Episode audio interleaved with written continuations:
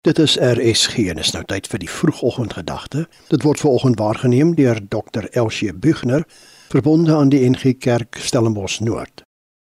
Goeiemôre luisteraars. Ons gaan hierdie week by 'n paar mense of Bybelse karakters kuier.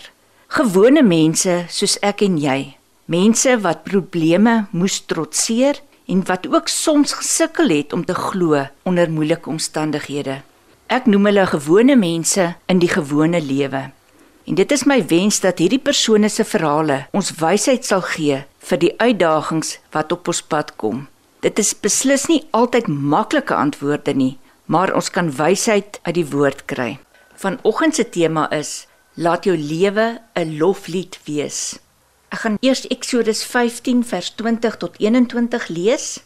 Miriam, die profetes, suster van Aaron, het 'n tamboerijn gevat en al die vroue het met tamboeryne agterna geloop en gedans. Miriam het vir hulle voorgesing: Sing tot eer van die Here, omdat hy hoog verhewe is. Perd en ruiter het hy in die see geslinger. Nou dit was nie 'n Sabbatdag nie. Hulle was nie in die tabernakel nie. Tog het hierdie groep vroue van vreugde en dankbaarheid gesing en gedans want God het hulle veilig deur die Rietsee laat trek en hulle uit Farao se hand gered. Hulle het eers gemor en gekla, maar God was getrou. Hy het vir hulle gesorg soos hy beloof het. Hy het sy kinders nie in die steek gelaat nie. Dit is heerlik om saam met ander gelowiges in 'n erediens jou hart te kan uitsing en God te loof en prys. Lofprysing in die erediens is maar een manier waarop ons kan dankie sê omdat God vir ons waarlik 'n God is. Maar jy hoef nie te wag vir 'n Sondag nie. Jy hoef ook nie net te sing nie. Miriam en die vroue het gedans omdat dit destyds 'n alledaagse manier was om te wys hoe dankbaar jy is. Maar daar's baie maniere vir mans, vroue en kinders om deur die dag in aanhalingstekens te sing, te dans en dankie te sê.